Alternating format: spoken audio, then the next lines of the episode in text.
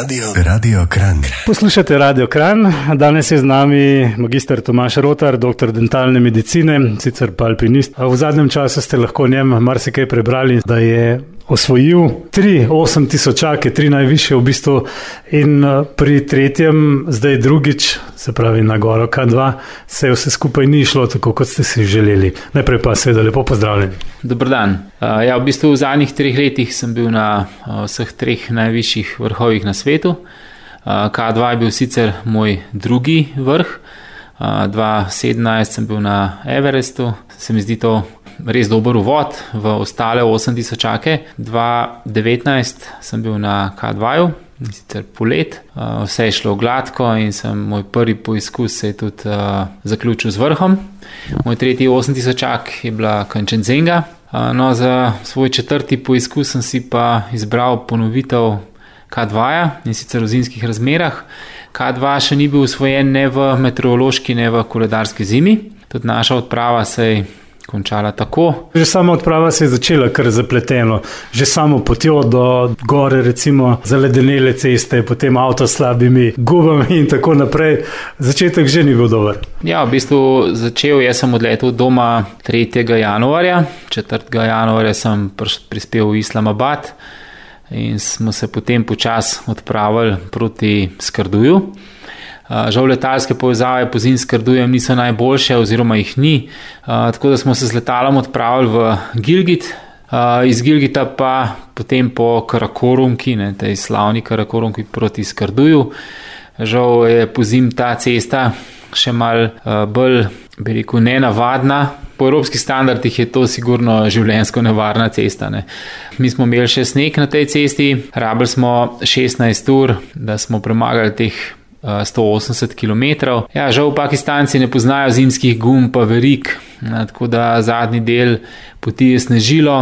Vmes smo mogli celo zamenjati avto, ne, ker kombi brez verik in z letnimi gumami enostavno ni mogel premagovati tistih uh, klancev. Uh, tako da naš vodič je bil zelo veliko iznajdljiv in smo se pogodili za manjši denar tam z enim lokalnim prevoznikom, z eno staro Toyoto, zložili smo drva in smo se potem sami pelali na kasonu, sicer pri minus 20 stopinj, ampak smo le sred noči potem prispeli v Skrdu. Mal čuden se nam je zdel, da smo samega vodjo šerp tega slavnega Mingmo. G smo čakali kar pet dni, potem v Skrduju, da je po njegovih besedah zaradi uh, vize uh, zamudil. Uh, no, po petih dneh sta s Kitajcem Gao Lijem, ki je že bil dvakrat tudi na K2 polet, le prišla v Skrdu. No, potem smo se po dnevu počitka in tistih lokalnih, veliko formalnostih sprejel nas je predsednik pakistanske Alpinistične zveze, pa župan Islamabada, pojedli smo par tort, podpisali par sporazumov, kako bomo delali z odpadki na gori. In potem smo se odpravili iz Karduja proti uh, Askoleju. Uh, to je 90 km dolga pot, no tudi ta je trajala skoraj 10 ur v zimskih razmerah. Tam čakali še v bistvu dva dni na lokalne nosače. Potem smo se pa odpravili proti bazi. Do baze smo rabili 9 dni, hoje, pot je dolga preko 120 km, ne, prečati je treba cel Baltoro, ki je dolg 80 km, pa potem še ledenik Osten Godwin. Udirali se nam je več kot meter globoko. Problem smo imeli s sušenjem upreme, ne, ker smo hodili 10 do 12 ur na dan. Po noči ne mogoče posušiti čevlje opremo. No, potem smo prispeli v bazo, deseti dan in že po dnevu počitka smo se odpravili na prvo rotacijo nekako do ABC-ja, tako imenovanega, oziroma tega višinskega baznega tabora, ki leži ob vznožju Abrucijeve smeri, ki je bila tudi v bistvu naša smer. Prvo rotacijo smo nekako prišli nekoliko višji od, od eh, ABC-ja, nekako do višine 5400 metrov, se vrnili, potem po dnevu počitka je sledila druga rotacija, oziroma drug eh, aklimatizacijski vzpon. Ne. Prišli smo do 6000 eh, metrov, se vrnili nazaj v bazo. No, v tem času so se pa že nekako nekako začele pojavljati neki problemi v smislu komunikacije med posamezniki v naši skupini. In sicer eh, Ming Maji in Gao Li sta nekako nenapovedano ostala v tem višinskem, prvem višinskem taboru in tam prenočila, brez da bi nas obvestila ostale. Ne. Se potem naslednji dan vrnila v bazo. Ming Ma je že nekako najavil, da se mu zdi, da se slabo počuti in da je nekako premrz. Na oba s, z islancem, Snorjem, Johnom Snorjem, so se čudili tem izjavam, ne, saj smo bili vsi v bistvu pripravljeni na tak mraz in na take zimske pogoje, vedeli smo, kam gremo. No, kljub vsemu smo po dveh dneh počitka se sama s Norjem potem odpravila ponovno proti C1 in potem so imela namen priti tudi do, do drugega višinskega tabora. Tri šerpe so nam sledile, prespali smo eno noč. Šerpe so potem poskušale potegniti vrvi še nekih 100 metrov više od prvega višinskega tabora in se potem nekako na najno začudenje, zaradi ne bi bili slabi vremenski pogoji, čeprav niso bili, vrnile v bazo. Mi dva snorjen so ustrajala, napeljala vrvi skoraj do slabih 7000 metrov. No. Potem prespala ne, že drugo eh, noč na Enki in se potem nekako normalno vrnila v bazo. Potem so se ti problemi nekako v komunikaciji in v odločitvah stopnevali. Tu črpe so rekli, da, so rekli, da je nekako preveč mrz, da je bilo preveč vetra, čeprav mi dva tega niso občutila. Ne. Treba vedeti, da smo izbrali najboljše šerpe na svetu. Uh, no, potem je nekako padla odločitev, da se bo sta Mingma in pa Gauli vrnila domov. Klicena je bila evakuacija za njiju. Mi dva dejansko še nismo bila odločena, ali se bo vrnila ali ne. Snori je bil pripravljen ustrajati naprej. Na dan, ko je bil helikopter klican, sva mi dva tri šerpe poslala proti dvojki, da bi tabor oskrbeli z šotori in s kisikom. Vrvi sva napeljala sama, vendar že po dveh urah po odhodu iz baze se ne bi eno črp poškodoval. Zato so se vsi trije vrnili. Odprava je bila teoretično prekinjena, in uh, še ta isti dan smo se popoldan vsi z dvemi helikopterji vrnili v dolino. Tole je Radio Kran, z nami je danes magistr Tomaš Rotar, doktor dentalne medicine. Nedolgo nazaj se je vrnil z gore K2. Nažalost se ni šlo po vaših željah. Kakšno je bilo razočaranje ob tem spoznanju, da ne bo nič, kaj človek doživlja ob tem, toliko nekih priprav, tudi denarja, konec koncev, potem bo se padel v vodo. Ja, v bistvu v samem momentu te odločitve nam še sploh ni bilo jasno, ka, zakaj se te stvari dogajajo. Kasneje smo v bistvu ugotovili, da so šerpe imele dovoljenje za bivanje v državi samo do konca februarja, se pravi vize. So jim potekle že 29. februarja. V bistvu nam je, nam je ta podatek povedal, da je bilo jasno, da bo odprava nekako nalašč prekinjena pred zaključkom, ker uh, konec koncev je treba vedeti, da konec februarja je bil predviden.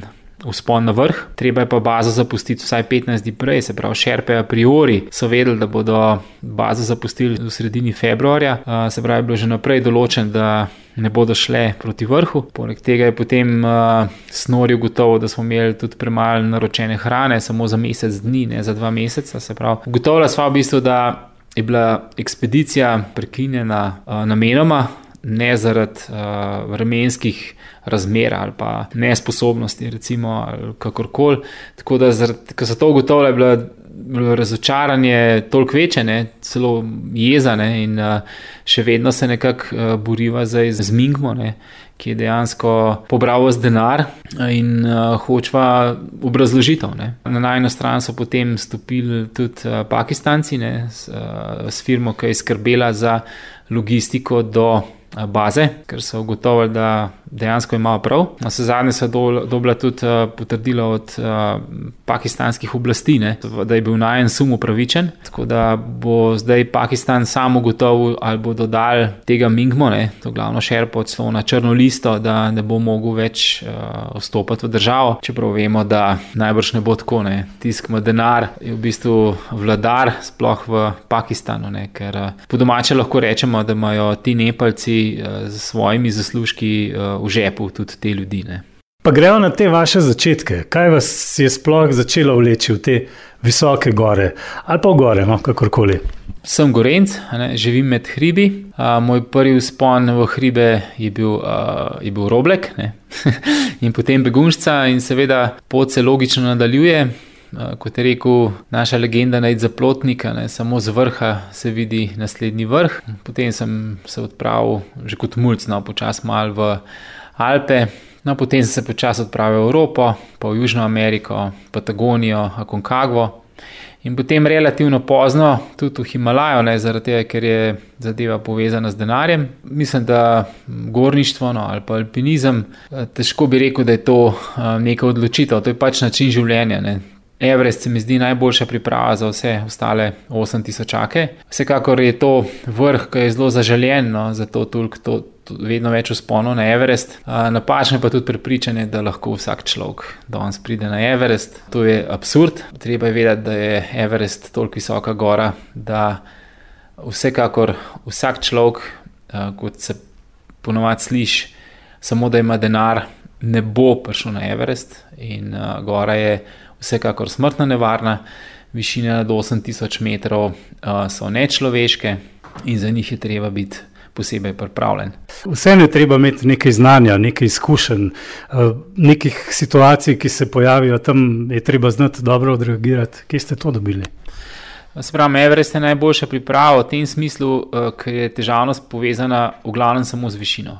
Spravno, tam se človek prvič uh, sooča uh, z višinami, ki niso namenjene življenju, se pravi, višina do 8000 metrov. Uh, Nekateri vsekakor poskušajo brez kisika, ne, čeprav uh, so taki vzponi vedno povezani s trajnimi zdravstvenimi posledicami, predvsem na možganih. Uh, tako da šerpe uh, imajo zdaj nekako v, v vseh pogodbah in po vseh pravilih morajo se uspenjati vedno s kisikom. Uh, predvsem večkratni vzponi brez kisika so, so lahko pogubni za možgane. Ne, in, uh, zdaj priprava, v bistvu za me ni bila nič posebenega, ne, kar se tiče Everesta.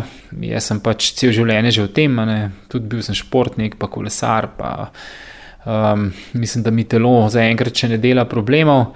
Treba je vedeti tudi, da so uh, na teh usponih na Everestu ponovadi prisotni najboljši vodiči na svetu. Ne, k, Imajo vsi že neke 8000 za sabo, vsi hude izkušnje z vso problematiko, ki se gor lahko pojavlja, vključno z ozeblinami, višinskim boleznim in tako naprej. Tako da za ostale hribe, za K2 sem se mal drugače, rečemo, bolj malo ostro pripravljal, ker sem vedel, da je gora precej težja. Mislim, višina je skoraj enaka, ne malenkost manjša, samo tehnično veliko bolj zahtevna. Tako da sem se mal pojačal trening. Kar se tiče kondicije, jo nabiram v glavnem na kolesu, zato da malo vrčujem sklepi, s koleni in skolki. Tako da pred K2 sem delal tudi po 10.000 višinskih metrov na teden, v glavnem vse s kolesom, zato da manj časa zgubiš. V glavnem gre tukaj za neko kondi aerobno kondicijo, ne se pravi, na srca in, in pljuč in tako naprej. Uh, kljub temu, uh, nihče ni zaščiten pred višinsko boleznijo. Ne. Višinska bolezen se lahko pojavi pri vsakem človeku, ne glede na pripravo, ne glede na toliko, koliko 8000 čakov ima že za sabo. Uh, in je zelo nepredvidljiva zadeva, in še zelo neraziskana bolezen. Center za raziskavo te bolezni, najboljši na svetu, je v Lasi in še vedno nimajo nekih zaključkov. Recimo, tudi ne vejo, zakaj nekateri ljudje lahko usvojijo vse 8000 brez kisika. Najbrž gre za, gre za genetko, genetsko predispozicijo. S telesno pripravljenostjo se dejansko samo lažje soočamo s posledicami višinske bolezni, vsekakor pa ne moramo vplivati na njeno pojavnost. Najbolj važno v bistvu je, je to, da se gori približujemo počasi in da se vzamemo veliko časa in da morda se tudi malo eh, zdravili podpremo ne, proti višinski bolezni. Prej ste že omenili, pač, da nekateri osvajajo več teh vrhov. Koliko jih nameravate še vi osvojiti? Prebral sem nekje, da ste zdaj, vsaj zase ste tako rekli. Uh, v najboljših letih za, za alpinizem, od 40. do 50. recimo, da je to to. Nekaj časa je še. Nekako sem ugotovil, da se, se začnejo uh, ti 8000-aki nekako vzorčno ponavljati. Ne. Odprave so približno vse enako dolge. Uh, no, vse zadnje tudi posod srečuješ ene in iste ljudi, ene in iste šerpe tako da zdaj se že kar poznamo. Morda mi ni glih cilj, da bi zdaj vse 8000 čakal svojo, to pomeni ogromen denarja, predvsem pa nič posebno novega. Ne. Nekako sem se zdaj mal zaciklal v tale zimski K2, ki se mi zdi res ena od zadnjih velikih trofej alpinizma. Vse je zdaj, kaj je definicija alpinizma, vam bom težko povedal, ne, jo ne vem, ampak vsekakor uh, se mi zdi, da je to nekaj velikega, ne, da bi človek stopil na K2 v, v času, ko, ni, ko to še nikomor ni uspelo. Siguren, da je to ena od poant alpinizma, ne? konec koncev prideti nekam, kjer še nihče ni bil ali pa ko še nihče ni bil. Uh, vsekakor alpinizem, zdaj je, je to sploh šport ali ne, to je težko reči. Definicija športa na vse zadnje naj bi, naj bi vključovala ohranjanje zdravja in, in telesa. Ne. Zdaj pri takem alpinizmu je to že težko reči, da je to res.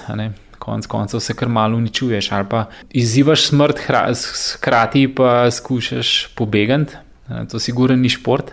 Jaz mislim, da je alpinizem uh, velika avantura, sigurno z elementi ekstremnega športa, zato je treba biti telesno dobro pripravljen. Jaz mislim, da če bo morda srečano, pa denar, pa zdravje, bom raje še enkrat poskusil po zim prijeti na K2, kot pa da bi se lotil enega dodatnega 8000, ker v bistvu ta teže, no, razen nanga parbat, mi še neka želja, že imam v žepu. No.